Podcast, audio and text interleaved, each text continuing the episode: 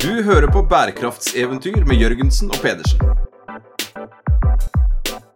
Bli med på eventyrlig jakt på bærekraftig business.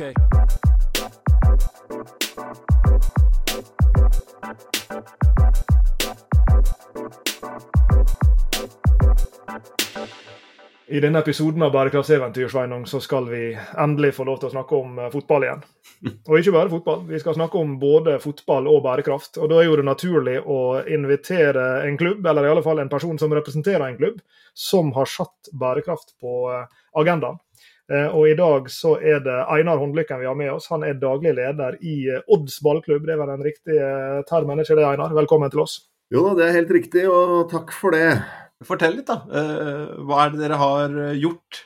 Jeg holdt på å si hva er det vi ikke har gjort, det, men nei, vi, eh, når, vi Når jeg begynte i Odda, det er ti år siden nå, så kom jo jeg rett fra jobben som daglig leder eh, i Miljøstiftelsen Zero, som jeg var med å stifte også. Um, og da var jo det et stort steg for meg, så da var jeg sånn eh, Jeg må jo fortsette å gjøre noe med miljøet her. Um, så når jeg ble tilbudt den jobben, så sa jeg ja, men da vil jeg gjøre at, eller da vil jeg at Odd skal bli Norges mest miljøvennlige klubb.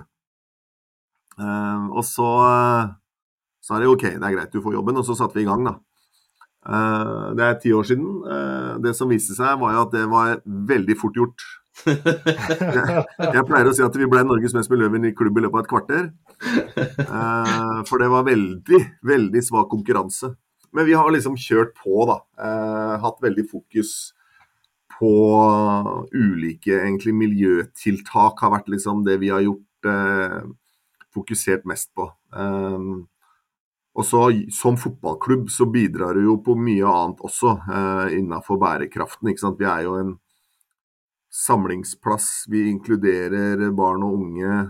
Eh, vi jobber eh, i et eller annet skjæringspunkt mellom det offentlige og næringslivet vårt. Så det er jo mange bærekraftselementer i en fotballklubb, da. Og vi er, har vært opptatt av mange av de, vi òg. Vi er jo fra en bydel med, i Skien hvor de fattigste barna og de rikeste barna bor i samme bydelen. Så det er klart vi har mange problemstillinger rundt det. Vi er jo det, burde jeg kanskje, kanskje si, da, men vi er jo da en eliteklubb, men også en breddeklubb da, helt ned til med barn fra fem år. Så vi har liksom hele spekteret. Ja, så det er vel sånn uh... Overskrifter. Ja, og hvis vi kan, hvis vi kan spole litt tilbake igjen, Einar. For det, du, du, sa det jo sjøl her at du kom jo fra en uh, over gjennomsnittlig både bærekraftsinteressert og bærekraftskompetent bakgrunn. Uh, og sånn sett, ikke til forkleinelse for andre daglige ledere i norske fotballklubber, men sånn sett skilte du deg antageligvis ut både på det tidspunktet og på det nåværende tidspunktet på den måten. Og jeg kunne tenke meg å, å ta tidsmaskinen litt tilbake disse ti åra, da.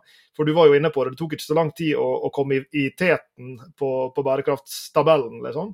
Men hva var, hva var problemene du så den gangen? Og jeg går ut ifra at noen av, av problemene består fortsatt. Men liksom, hva var diagnosen din når du kom inn med, med kall det bærekraftig business-brillene på, og, og, så på ja, Odd selvfølgelig spesifikt, men også mer generelt fotballen som, som bransje og som, som industri? Hva, og, og, du kan velge hvor du å begynne, for som du har vært inne på sjøl, så er det jo både miljømessige sider rundt det her, som selvfølgelig både er på stadion og rundt stadion og alt det her, men som du er inne på også samfunnsmessige, sosiale problemstillinger. Så kanskje du tar oss litt med inn i diagnosebildet ditt? Jo, det er jo mye å ta tak i. da. Miljømessig så er jo ikke fotballklubber liksom de med de store utslippene. Um, så hva skal jeg si, det jeg har vært opptatt av i Odd, er vel kanskje mer å liksom vise fram løsningene, da. Det er klart, Vi har jo våre flyreiser og våre bussreiser og noe sånt. Og publikummet vårt i stor grad kommer jo med bil til kamp og sånn, men sant, her nede i Grenland hvor vi har eh, den største tungeindustriklynga i Norge, så er jo vi en liten fjert, ikke sant. Så det er jo ikke det, er ikke det, om, eh, det vi gjør i seg sjøl som gjør den store forskjellen, men vi kan jo vise fram løsningene da, og inspirere og spre kunnskap. og Det er jo det som er nøkkelen her. Men samtidig så har vi liksom vært opptatt av at vi skal gjøre noe som er reelt. da. Eh, at det ikke bare skal være powerpoint og flotte ord og visjoner, men eh, reelle tiltak. Så vi har prøvd å ta tak i det vi kan. Eh, men samtidig så har jeg vel Hva skal jeg si? Eh, det er jo på en måte to innganger, i hvert fall til miljødelen, men egentlig kanskje generelt til bærekraft. Og Det ene er jo eh, en veldig sånn, litt sånn revisjonsbasert, systematisk, hvor du liksom analyserer hva er utslippene og hva skal vi gjøre for å bli kvitt de. Eh, men jeg har hatt en litt, hva skal jeg kalle det, mer sånn om du, du kan egentlig kanskje kalle det en mer sånn historiefortelling basert inngang. Da. Eh, jeg sa ganske tidlig at eh, vår miljø- og bærekraftsatsing skal vi tjene penger på, ikke bruke penger på. Så vi eh, Alt vi har gjort, har vi gjort sammen med næringslivet. Så når jeg skal være litt flåsete og si at vi har ikke brukt én krone på miljøet i Odd, og det høres jo kanskje ikke så veldig imponerende ut, men det har vært egentlig veldig viktig. For eh, det fungerer sånn at eh, dagen etter vi har tapt en fotballkamp, og i hvert fall hvis vi har tapt fem på rad, så er Facebook full av folk som sier kan dere slutte med det miljørøret. Eh, nå må dere konsentrere dere om fotballen. Og Hvis det var sånn at vi brukte masse penger på det, og eh, istedenfor å handle en ny spiss, eller hva vi kunne gjort, da, så blir det en veldig upopulær bærekraftstrategi i en fotballklubb. Eh, så vi har, egentlig vært sånn Vi skal ikke bruke penger på det, vi skal tjene penger på det. Eh, og det har liksom gjort at vi har Vi har ikke starta i den enden hva er våre største utslippskilder, eller hva Vi har vært mer på et sånt eh, hakk hvor vi har tenkt hva Hvilke samarbeidspartnere har vi som vi kan gjøre noe sammen med? Så Derfor var noe av det første vi gjorde, var å sette opp en, vi satte opp Telemarks første hurtiglader fordi vi har ABB oppi gata her med største, sitt største anlegg i Norge. Eh, vi har Skagerrak Energi. Så da gikk vi sammen med de, eh, hvor de finansierte en hurtiglader her. Tilsvarende gjorde vi Vi har jo da satt opp Norges, et av Norges største solcelleanlegg, og det er vel kanskje Norges største solbatteriprosjekt. Sammen der. Da gjør vi det sammen med Skagerrak og ABB. Og når vi eh, har satt i gang et prosjekt med Eh, om å gjøre stadion avfallsfri, så tar ikke vi masse kostnader på, et, på liksom 100 nye avfallsdunker. Da gjør vi det sammen med Rancels. Det er sånn vi har jobba hele veien. Da. Så vi har på en måte vi har ikke starta med en Vi starta ikke med en grundig analyse eller diagnose om det, vi starta mer med hvor kan vi gjøre noe som er bra for vårs og for miljø og for våre samarbeidspartnere. da. Ja, så Det var jo et langt svar på liksom, diagnosedelen av det, men det har vært mer sånn, hva skal jeg si, det har vært strategien. da. Um, så Det jeg liker å si, er at uh, vi må ha en bærekraftig bærekraftstrategi. Uh, og Det betyr jo egentlig at den må være opprettholdbar, og den må kunne fungere i gode og dårlige tider. Og det må kunne fungere om vi, ja, når vi taper masse kamper og vi vinner masse kamper. Det må kunne fungere hvis jeg slutter eller uh, alt endrer seg. For hvis den henger bare på liksom at jeg mener at vi skal eh, Det er viktig, for jeg er veldig spesielt opptatt av klima og miljø, så blir jo det borte med en ny styreleder eller eh, eh, hvis jeg slutter. Så det må være, vi må finne en lønnsom måte å gjøre på. og i fotballen så er jo det å klare å gjøre dette sammen med sponsorene, altså samarbeidspartnerne våre, det er liksom det som er måten å gjøre lønnsomt på. Så det har vært inngangen. Og så tror jeg at vi har løst mange, eller løst, men altså vi har i hvert fall bidratt til å sette fokus på solenergi, batterier, hurtiglading, elbil, eh, kildesortering. Mange ting underveis her, da. Check it out.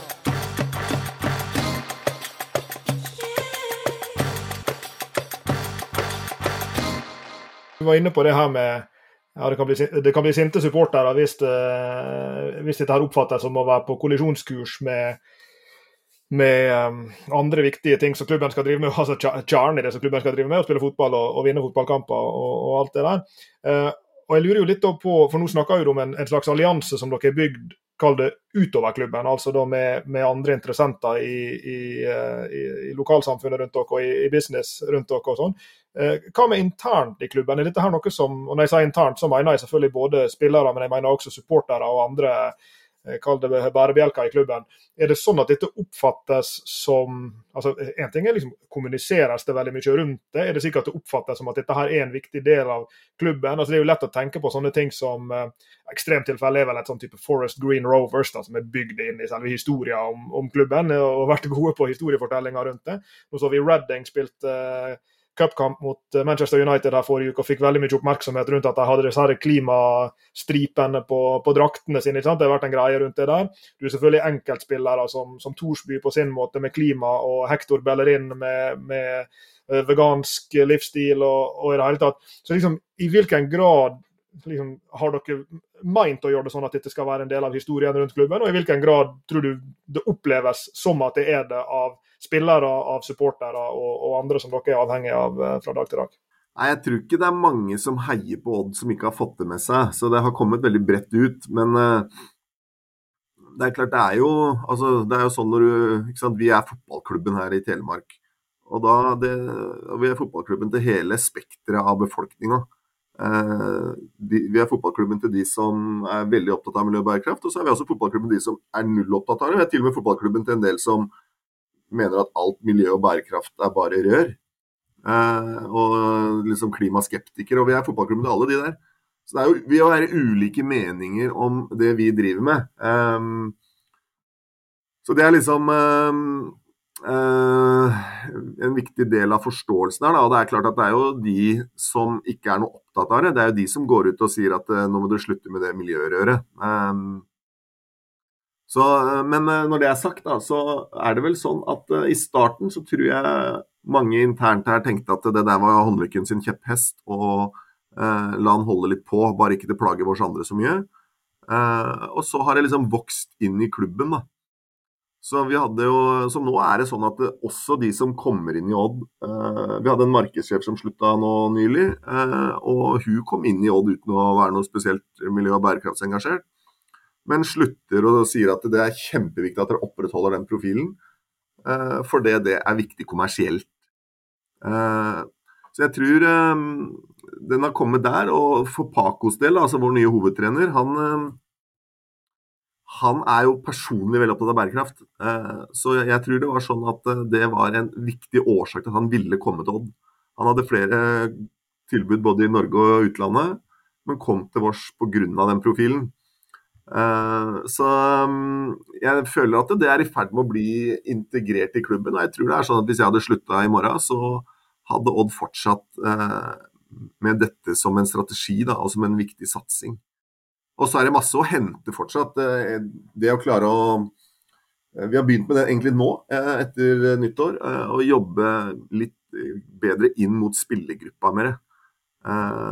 Så der har det vært litt å hente. Det, jeg tror de har fått det med seg. men den der timeplanen til en spillergruppe er veldig stram, så det er ikke så lett å finne de der glipene hvor du kan snakke om det. og det er noe med å de lever jo veldig i en boble, og eh, det er noe med å klare å liksom trenge inn i den bobla og eh, si noe annet enn eh, indreløperens rolle, liksom. Det er ikke alltid så lett, men vi jobber med det òg. Så vi kjenner oss igjen i det, vi som er eh, ja, ja, fotball, glad i fotball, altså, men vi er jo fagnerder. Så det er jo den boble vi lever i òg. Og den bobla vår er jo forretningsmodeller. Å høre på deg her, eh, da vi vokste opp nær sagt, og studerte de greiene her, så, så var jo eh, enheten vi studerte, ofte bedriften.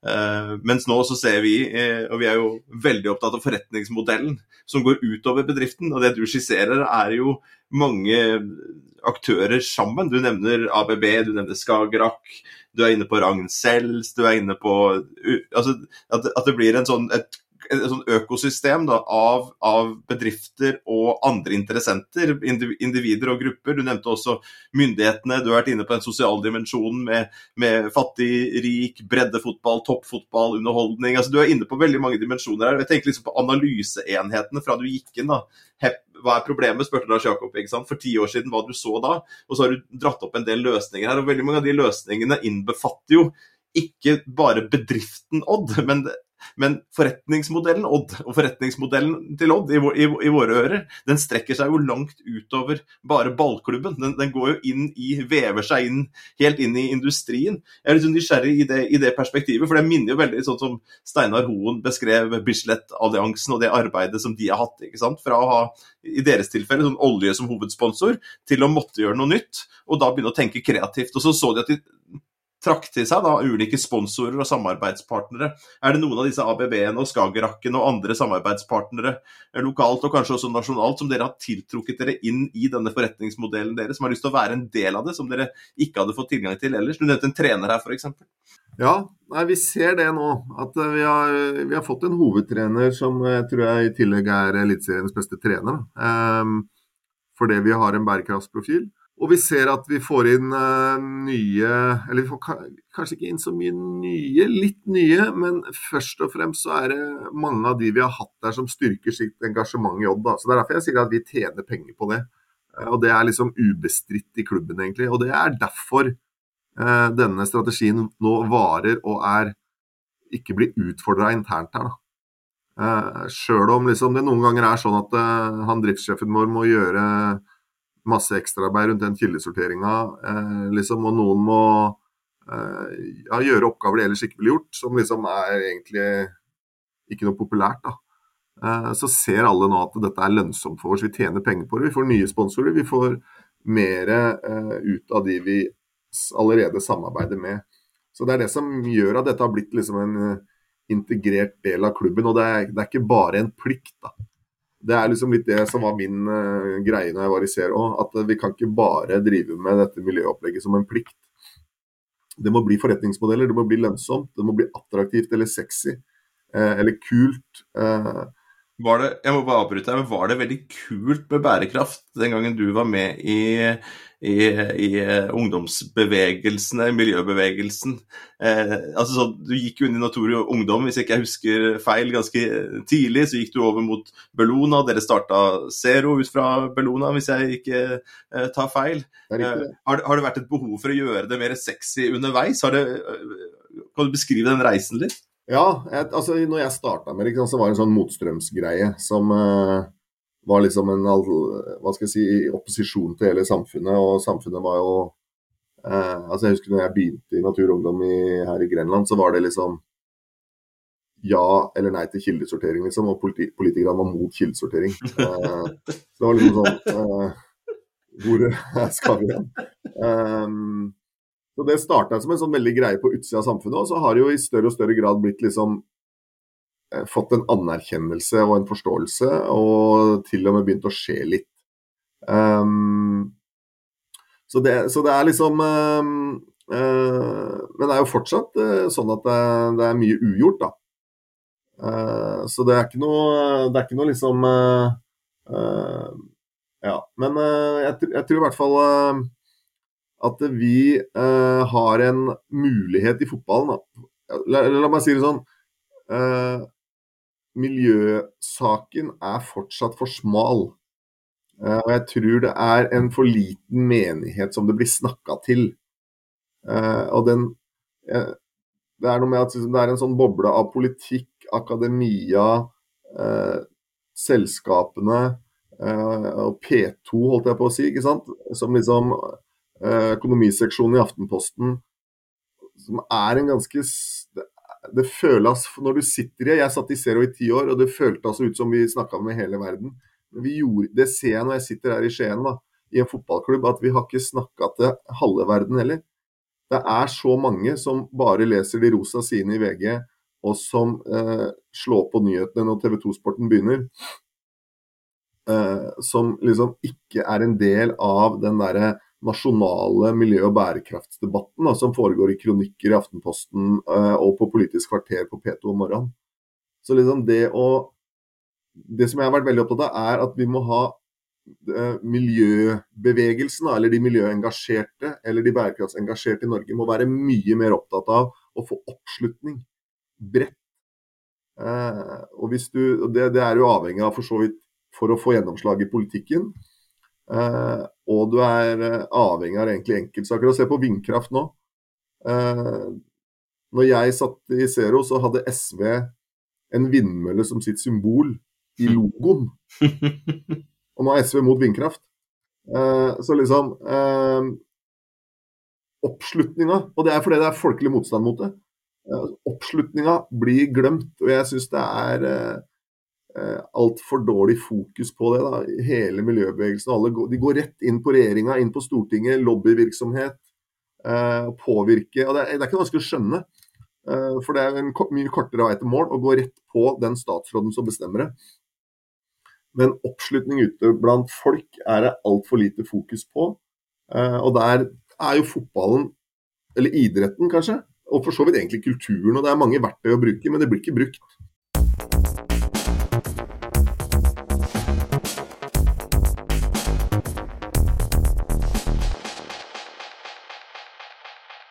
Men Det er jo interessant her, Einar, for du trekker opp et, et spenn her da, fra, fra det store til, til, det lille, og fra det, fra det som faktisk har impact til det symbolske. Eh, og, og når, det, når, det, handler om symbolikk og det handler om kultur, og disse tingene her, så er jo, som du er inne på, fotballen et av stedene hvor, hvor en kan få mye traction.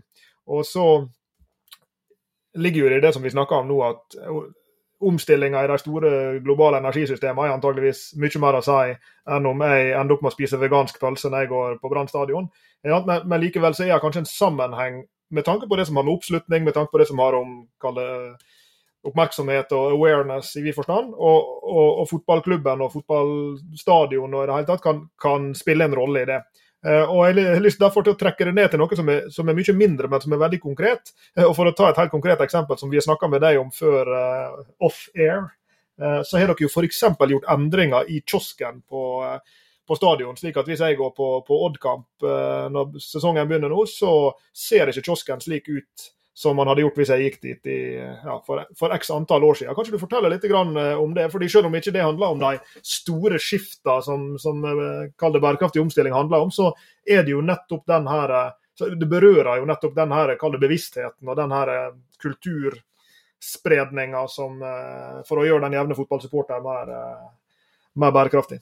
Nei, Det er en del av et prosjekt som vi har kalt Avfallsfri stadion, da, hvor vi ønsker å fjerne alt avfall, egentlig. Eh, vi ønsker å kildesortere alt som blir brukt her, og eh, få det tilbake i eh, syklusen. Se på dette som ressurser og ikke som avfall. Så, men det vi ser, da, er at det er veldig vanskelig å, når noen tusen mennesker skal forlate en fotballstadion i løpet av fem minutter etter kampslutt, så er jo den kildestyringa veldig vanskelig. Eh, og da tar du den første bøtta du eh, kommer forbi. Så da har vi sett at vi er nødt til å eh, Vi klarer ikke å få folk til å begynne å kikke på papiret eller på produktet og se, og så analysere hvilken bøtte er riktig nå. Vi må gjøre det kjempeenkelt. Så vi har rett og slett gått inn og styrt hvilke produkter du får kjøpt i kiosken. Så det betyr at alle sånne For det første så har vi fjerna alle produkter som havner i restavfallet. Vi har tatt bort restavfallet. Eh, og så har vi prøvd å gjøre liksom så åpenbart. Vi har til og med fjerna plastavfallet. Så nå er det mat, papir og pant uh, som er det du kan eh, kaste altså, du, du, får egentlig bare kjøpt produkter som har den emballasjen hos oss. Da. For det, så det er på en måte, hva skal jeg si, vi har jo Det er det du det er det du lærer, skjønner litt, i hvert fall som jeg skjønte bedre når, når du kommer til en fotballklubb, da, hvor vanskelig det er å komme inn i huene til folk og faktisk få folk til å skjønne det. Den, den utfordringa i hva, hvilke budskap du klarer å få ut. Vi kan liksom si at vi har grønn og rød og blå og lilla og oransje dunk, og husk å kaste eh, sjokoladepapiret i grønn og eh, pizzaesken i rød, men det kommer ikke inn. Og det kommer i hvert fall ikke inn sånn at du klarer å få til det når noen tusen mennesker skal ut av en tribune etter en kamp. Så vi må bare forenkle noe vanvittig. Eh, både i kommunikasjonen og i liksom det praktiske. Da. Så det er den der, eh, greia der. Og det, da ser vi jo at du får ikke kjøpt is eh, uten plastemballasje. Du får ikke kjøpt Snickers eller Kvikk Lunsj uten plastemballasje. Det er ikke å få tak i. Eh, så da har vi endt ut faktisk med å selge sjokolade eh, i løsvekt. Eh, som vi heller oppi en pappkopp. Eh, for å liksom eh, få til det der, da. Så det, det er sånne ting vi gjør. Og så skulle vi ønske at vi hadde med oss bransjen i mye større grad. Da. Det er jo helt utrolig at ikke det er mulig å få kjøpt en uh, sjokoladebar uten plastemballasje, men det er faktisk ikke mulig i Norge. Men vi prøver å pushe bransjen litt på det, og skulle ønske at det var mye mer drahjelp der ute. Da, for det er jo jeg synes jeg er jo helt utrolig at vi skal gå inn i 2023 uten at du må ha plastemballasje på alle varer i en kiosk. Vi er jo glad i disse narrativene, Einar, og du er inne på det her. disse her hvordan, eh, hvordan få med oss de som er utafor økonomiseksjonen i Aftenposten. ikke sant? Eh, og denne narrativen her, når dere, når dere for det, det er jo litt sånn grep som det ikke lukter så veldig mye lønnsomhet av, som dere tar for folk. Hvordan hvordan, hvordan, hva slags historie fortalte dere rundt det, sånn at de som kommer på fotballkamp og har lyst på, på snickersen og ikke kan, ikke kan, skjønne hvorfor de ikke kan få en iskrem altså, her, her, her går dere jo litt, litt til angrep, gjør dere ikke det, på, liksom, eh, på, på, hvermannsen, uh, meg inkludert? altså, skjønner du hva jeg mener? Altså, hvordan, hvordan, hvordan la dere fram den historien for å få med dere folka på det? Nei, og det kan være at ikke vi var flinke nok til akkurat det. Um, for det er litt sånn som noen ganger så bare angriper vi, og så gjør vi ting, og så prøver vi å fortelle om det. Men, uh, så vi har fått litt tyn for det. Det var en periode vi ikke hadde is på stadion, og det er klart da blir du drept uh, av publikummet ditt i en uh, varm julikamp. da. Um, så ikke, det er ikke alt det vi har vært flinke nok til, da, men vi, vi prøver å dra den store historien. Da, at vi skal være en miljøvennlig klubb. Vi skal bidra til å snu samfunnsutviklinga. Eh, og så kommer det da tilbake til at eh, og dette er lønnsomt for oss å være med på, eh, så vi må alle endre oss litt. Eh, vi gjorde faktisk en eh, spørreundersøkelse eh, for noen år siden om hva folk syns om miljøsatsinga vår, og da syns folk at det var helt topp, det. Men så var det en, en del som la til, da. Men hvis dere tar fra oss pølsa på fotballkampen, da mister du meg.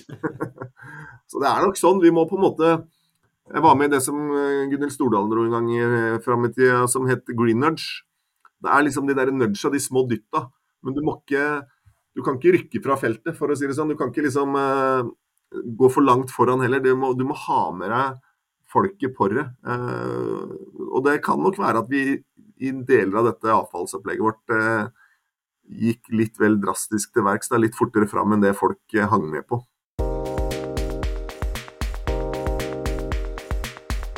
Man må ta noen sjanser. altså Jeg liker jo historien godt. Jeg liker at dere, at dere går rett på mål og skyter noen ganger, og så ser, ser om han skårer eller ei, for å bruke den uh, metaforen. Samtidig så er den der historien Vi har en, en, en kollega som heter Raz Golnick uh, borte i New York, og han er så opptatt av På LinkedIn om dagen så skriver han mye om sånn populisme, om bærekraftspopulisme. Han sier at vi bærekraftsfolk vi, vi, vi vinner ofte når det gjelder fakta, men vi taper når det gjelder historien. Ikke sant? Så han vil på en måte ta tilbake populismen. Og når du sa i stad disse her folka som på en måte ja, Du sa i stad disse folka som er så mot bærekraft i det hele tatt, liksom, så tenker jeg liksom, ja, Vi vokste opp, vokste opp på 70- og 80-tallet. Jeg savner jo ikke en fylling i byen, hvor vi bare dumpa matavfall så det lukta drit langt. Det er mye bedre nå at vi har en, en avfalls, altså ressurshåndteringsstasjon litt utafor byen her, hvor du kan sykle forbi, gå forbi, du kan bo i nærheten. Og så lukter det en og annen dag, for man lager jo noe biogass og sånn og sånn. Men stort sett så lukter det jo ingenting. ikke sant? Nei, er sånn, hvorfor, hvorfor, er det så upopulært? liksom? Hvorfor er det upopulært med rent vann i springen, eller kunne gå gjennom uh, en bygate uten å få kols, liksom? Altså, altså, vi, vi taper de greiene hele tida. Men tenk på det, at det liksom eh, Det er faktisk da folk som liksom av Fordi vi ikke har klart å treffe med historiefortellinga vår, da. Eller, og når jeg sier vi, så mener jeg vi bærekraftsfolk. Ja. Uh, så er det noen som liksom er imot det. det er jo, det er jo liksom hvem som egentlig vil ha sånn som du sier, svære avfallsdynger uh, som stinker, og alle de der fordelene ved, ved de tinga vi driver med. Men allikevel så har vi Jeg tror det er noe med at vi har ikke truffet kulturelt, da. Og det har vært en for smalt, for smalt sjikt eh, og en for smal kommunikasjon hvor vi ikke har nådd ut til de breie lag av folket med fordelene her.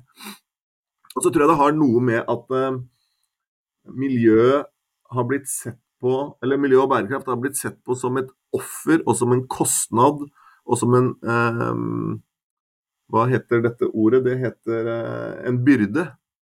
Eh, på 90-tallet ble det snakka om liksom, byrdefordelingen i klimapolitikken. Hvem skal ta denne byrden? Og så må vi prøve å dele Vi vil ikke ta så mye byrde, vi må ta, de andre må også ta byrden. Men det er jo ikke det. Det er jo fordeler, muligheter, eh, vekst, utvikling, arbeidsplasser, eh, lønnsomhet og penger i fòret hvis du gjør det på rette måten. Men det har blitt presentert som en sånn en greie hvor vi skal ofre oss, og vi skal ta kostnader. Eh, og det er jo Hvem er som har lyst til å ha kostnader? Det er jo ingen som har lyst til å ha det. De folk vil ha inntekter. Og er det noe fotballklubber og nær sagt fotballfolk generelt er flinke til, så er jo det å konkurrere. Og Vi satt og diskuterte med en, med en kollega av oss som, som uh, jobber for en, for en, en konkurrerende klubb, klubb, av dere i Eliteserien. Og vi, og vi snakka om nettopp det her med ja, bærekraftig fotball. Uh, liksom, kunne en utnytta konkurransemuskelen til fotballen for å få ringer i vannet her? Og Da er jeg jo litt nysgjerrig på hvordan du ser uh, ja, Vi kan jo starte med Eliteserien, men for så vidt fotballen mer, mer generelt. Eh, nå vet vi at uh, hos dere har det skjedd mye. der Det gryer noen greier oppe i, i Bodø. Og, og Vålerenga og, og Brann har snakka om noen satsinger. Rosenborg likeså, så vidt jeg har forstått. Så, så, det skjer jo ting rundt omkring her. Hvordan skal en få, få ringer i vannet og få liksom, bølgetoppene høye i, i norsk fotball? Er det noe som må skje på tvers av Du har jo vært inne på samarbeid. og Samarbeid og konkurranse, to, to ulike typer muskler her. Hvordan, hva er det som må til for, for, at dette her skal få ordentlige ringer i vannet på tvers av uh, hele norske toppfotballen? Nei, Jeg tror du er inne på det. Uh, det er for så vidt sånn vi altså Det er konkurranser og samarbeid. Det er sånn vi jobber. Vi samarbeider masse elitser, blant eliteserieklubbene. Vi har noe som heter norsk toppfotball. Si, hvor vi samarbeider om å konkurrere. Eh, så eh, vi må bruke begge deler. Eh, og nå har vi jo i Eliteserien, eller toppfotballen, gått sammen om å etablere eller samarbeide med noe som heter Football for the Goals, som er et FN-opplegg. Og der håper jeg også at det blir mye konkurranser, Da. Jeg syns vi skal kåre Norges mest miljøvennlige klubb, eller kåre Norges mest bærekraftige klubb. Og jeg syns vi skal til og med sette opp en tabell, ja, hvor noen rykker ned. og uh, bruke de der virkemidlene der som er veldig sterke. Da. For det er som du sier, den der konkurransedriven den er veldig bra. og Hvis Brann bånder bærekraftstabellen i norsk fotball, så vet jeg at det kommer til å skje noe i Bergen. Uh, eller hvis uh, Vålerenga vinner, så kommer de til å ville beholde den posisjonen. Så den driven rundt det, den må, den må brukes, og det tror jeg vi jeg tror det kommer til å komme noe sammen med TV 2 eh, når Eliteserien eh, begynner, som er veldig spennende. Så, så må vi gjøre det eh, Så må vi bare forsterke det elementet. Og kanskje kan vi lage internasjonale bærekraftskonkurranser. Det har vært jobba med det òg. I hvert fall for min del så er det sånn at vi er Norges mest miljøvennlige klubb. Og det skal vi fortsette å være. Sjøl om alle de andre kommer etter nå, så er ikke det en posisjon vi har tenkt å gi fra oss. Så det er liksom Jeg ser på det som en, eller vi ser på det som en, et konkurransefortrinn for vår klubb. Eh, som eh, kommer til å bli mer og mer verdt. Eh, og det, jeg tror den derre Det å bruke det, da, kommer til å fungere også for fans, publikummere, og til og med kommer det til å funke på de som ikke er noe opptatt av det, og kanskje til og med de som er helt imot det. Tenk litt på og inne på i stad med, med, med, klubben kontra forretningsmodellen til klubben og fotballen. Her har du nesten forretningsmodellen til norsk toppfotball. ikke sant? Og så er det lett å tenke at det er bare klubbene. Og så må vi tenke hvilke andre aktører er med der da, på, på sponsorsiden, og, og, hvordan kan fotballen og hva slags type historier kan veves inn så industriklynga rundt dere som du nevnte i stad. Ja, at, at, de jobber med, med karbonlagring f.eks. Og, og, og, og den type ting. Da. Hvordan er man eh, og, og, litt i forlengelsen av det, også vel vitende om at det er langt å fly for en klubb fra, fra, fra Bodø ned til Østlandet for å spille mange bortekamper der borte, kontra Vålerenga som kan ta trikken, sagt, i hvert fall, i hvert fall toget, en, eller buss da, til en del av sine hjemmekamper. Har, har du gjort deg opp noen tanker i dette her på, på, hvordan dette skulle måles? Hvis man skulle kunne finne noen parametere og noen mål som skulle gjøre at det var sammenlignbart både med klubb og deres samarbeidspartnere. Um, jeg, jeg, mener, jeg, forventer ikke et sånt eh, jeg, jeg ser ikke på deg som en sånn eh, en levende versjon av chat eh, GPT, som bare skal eh, gi meg orakelsvar. Men har du reflektert litt over det? Har det, har det vært i noen sånne type diskusjoner? Ja da, Vi samarbeider litt med dette initiativet til Morten Thorsby, We Play Green. Og De har satt opp et opplegg med KPMG hvor de har prøvd å lage et sånt kriteriesett for en bærekraftsliga. Um, men det er klart det er kjempevanskelig. Hvordan skal du vektlegge inkludering av uh, uh, små innvandrerunger eh, kontra utslipp av klimagasser, og så skal du poengsette det. det er ikke lett. Eh, så jeg tror kanskje det er en raskere vei til mål er å, gjøre, er å snevre litt inn, kanskje si miljø da, som én ting. Jeg vet ikke. Men det er som du er inne på, det er veldig forskjellige forutsetninger der òg. Bodø-Glimt og Tromsø de må fly. Eh, Vålerenga har en stadion uh, midt i byen hvor du Hvis du kjører bil litt, så er det jo gjøk, ikke sant. For det Åssen skal du bli kvitt den bilen? Uh, da er det trikk kontra vi og mange andre som har en mer bilbasert stadion. Altså det er jo noen sånne forutsetninger hvor noen har det mye lettere enn andre på noen områder, og så har de det verre på andre områder. Så det er ikke lett, men jeg tenker Og sånne konkurranser er jo aldri rettferdige, men jeg kan jo si at det er ikke fotballen heller. Altså, Hvis du er Vålerenga eller Brann, så har du litt flere fans og litt flere bedrifter å hente sponsormidler fra. Da. Så de har jo noen uh, fordeler, men vi slår de ofte for det. Så det er liksom, Du må bare lage noen kriterier, og så må du justere på de hvis det blir helt vilt. Men uh, jeg tror i hvert fall at det å lage noe Det å få opp noen konkurranseelementer mellom klubber, mellom klubbene sine fans Det er mange måter å, å bruke det på som, som, som, kommer til å funke. og som gjør at folk kommer til å liksom gjøre litt ekstra både klubber og fans og alle, for, og bedriftene, for å liksom Dette skal vi vinne.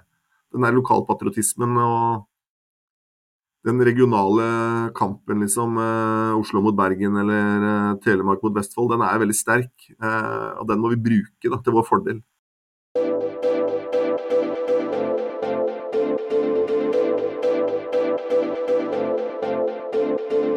Så er det noen ting som kommer til å skje. og det er klart at Tida jobber jo for oss her, og vinden blåser jo denne veien. og Vi, vi vet alle sammen at det kommer til å komme det er reguleringer på sin side, og det er andre typer forventninger og krav på andre sida. Så, så, vi liksom får jo, vi beveger oss i denne retninga. Så er det som du er inne på, noe av dette her må gjøres sammen. Og noe av dette her må gjøres på tvers, og noe må liksom fotballen som sådan og idretten som sådan løse. Og så skal jo fortsatt da Odd sitte og gjøre sine ting, og Brann skal sitte og gjøre sine ting. Og Jeg er jo litt nysgjerrig med, når vi nå snakker oss litt gjennom historikken, vi snakker oss litt gjennom nå-situasjonen. Når du kikker inn i, i åra som kommer, i tillegg til at dere selvsagt skal uh, kvalifisere dere til Champions League og vinne cupen og mye annet, uh, hva er ambisjonene på, på bærekraftsida for, for, det som dere har kontroll over sjøl, og det som dere har lyst til å få til, enten det er neste måned, neste år eller de neste fem åra? Punkt én er at vi skal være eh, Norges mest miljøvennlige klubb. Og så har vi sagt nå at vi skal bli en bærekraftsklubb fra A til Å. Eh, så vi skal jobbe bedre mer internt. Det har vært mye sånne tiltak, da, og kanskje mye fokus på samarbeidsprosjekter med næringslivet. Men vi skal jobbe bedre med resten av bærekraftsdelen. Eh, mer systematisk, har jeg lyst til. Eh, ja, altså så, inkludering. Eh, frivillighetskulturen rundt klubben, eh, møteplassene vi tilbyr. Eh, mer den sida av det. Eh, som jeg var litt inne på i stad, så må vi jobbe bedre inn mot spillergruppa. Det er vi akkurat i gang med. For det er klart, en ting er hva jeg sier, men når det kommer til stykket, så er ikke meg han 13-åringen i gata er opptatt av. Dessverre. men det er spillerne våre. Så det å klare å utdanne de og gi de trygghet til at de tør å si noe her, eh, og tør å bruke sin stemme, det tror jeg blir veldig viktig. Eh, for før vi liksom klarer å eh, engasjere profilene våre, da, så blir det litt sånn Eh, ja, da kommer vi ikke ordentlig ut. Da er vi sånn, litt ute sånn som vi er nå med meg og noen sånne klubbfolk i front. Men vi må få profilene ut, og det er ikke så lett som det kan virke. For det å få spillere Eller det er egentlig ikke noe ønske heller å få spillere til å si noe de ikke tror ordentlig på. Eh, og for at du skal tro ordentlig på det, så må du både ha litt sjøltillit på det, og du må ha litt kunnskap, og du må Eh, det må lages noe pakker rundt det som er litt eh, mer krevende enn det mange tror. Du kan være heldig, og så kan, kan det dette inn en spiller som har av ulike årsaker et personlig engasjement. Litt sånn Morten Thorsby-aktig. Eh, det er ikke klubbene hans som har gitt han det engasjementet. Og det, Vi kan være heldige, vi òg, så kan det dukke opp en spiller her som har det engasjementet. Men hvis det ikke gjør det, så må vi som klubb bidra til å utdanne spillerne og gi dem den tryggheten. Sånn at de kan i sine kanaler være troverdige og ærlige og oppriktig engasjert i disse spørsmålene. Og da, det er klart, da kommer vi Hvis vi klarer det i vår klubb, så er det stort. Klarer vi å få det til i fotballen, så er det stort. uh, i Norge. Og det er klart Får vi til det liksom globalt, så er det en vanvittig kraft. da. Det er vel sånn at de Fire av de fem største på Instagram er fotballspillere. Uh, og Det er noe sånt fire milliarder mennesker som har et forhold til fotballen. Så det er jo en enorm kraft i fotball, idrett, hvis du liksom får det som en sånn samla kraft bak deg. Da. Den, den, det tror jeg liksom er next level, er å klare å utnytte det og komme forbi sånne klubbslagord eh, og klubbsaker, men å få liksom et genuint engasjement i spillergruppene våre. Da. Einar, eh, tusen takk for at du har tatt deg tid i en særdeles travel hverdag til å prate med oss om bærekraft og idrett og, og Odd. Veldig spennende å, å, høre på deg. Veldig interessant å, å å høre svaret ditt nå på slutten på, på Lars Jacobs eh, liksom, eh, ja, spørsmål om, om hvor, hvor, går dette her fremover, hva skal skje fremover. Liker dette her globale perspektivet med disse fire milliarder menneskene og knytta opp mot disse historiene som vi har eh, prata om, og også helt ned i det konkrete vi på, Center for Sustainable Business på NHH vi har et helt nytt prosjekt som heter Sustainability in Sports. Hvor vi da jobber med, med Football for the Goal sammen med Siv Skard, da, som sitter i styret i, i Brann. Og har vært heldige å fått møte med, med, med Brann nå i forrige uke, med deg nå i dag. Og så har vi en podkastepisode med Steinar. Så vi er litt sånn på voksenopplæring her, både for vår del, jeg og Lars Jakob. Og jeg tror veldig mange av lytterne våre også vil sette pris på å høre disse her eh, tankene. Og jeg håper at uh, vi kan snart treffes igjen, enten i en podkastkontekst uh, uh, eller helst på, på, fotballbanen. Og så prate videre om dette her og lære mer om hvordan vi kan gjøre dette her i praksis. Så takk skal du ha. Bare hyggelig. Veldig hyggelig å være her. Og så får dere ta turen da, vet du, når Brann kommer hit til sin første bortekamp for året. da skal vi vise dem litt både åssen fotball spilles og åssen kildesorterer oss. Veldig bra. Tusen takk. Du har hørt på Bærekraftseventyr med Jørgensen og Pedersen. Send e-post til eventyr.krøllalfa.jorgensenpedersen.no for å stille spørsmål eller komme med forslag til tema for fremtidige episoder. Og besøk jorgensenpedersen.no for mer informasjon om denne podkastserien. Okay. Derfra kan du også fortsette samtalen med oss i sosiale medier på Twitter, Facebook, LinkedIn, YouTube og andre steder.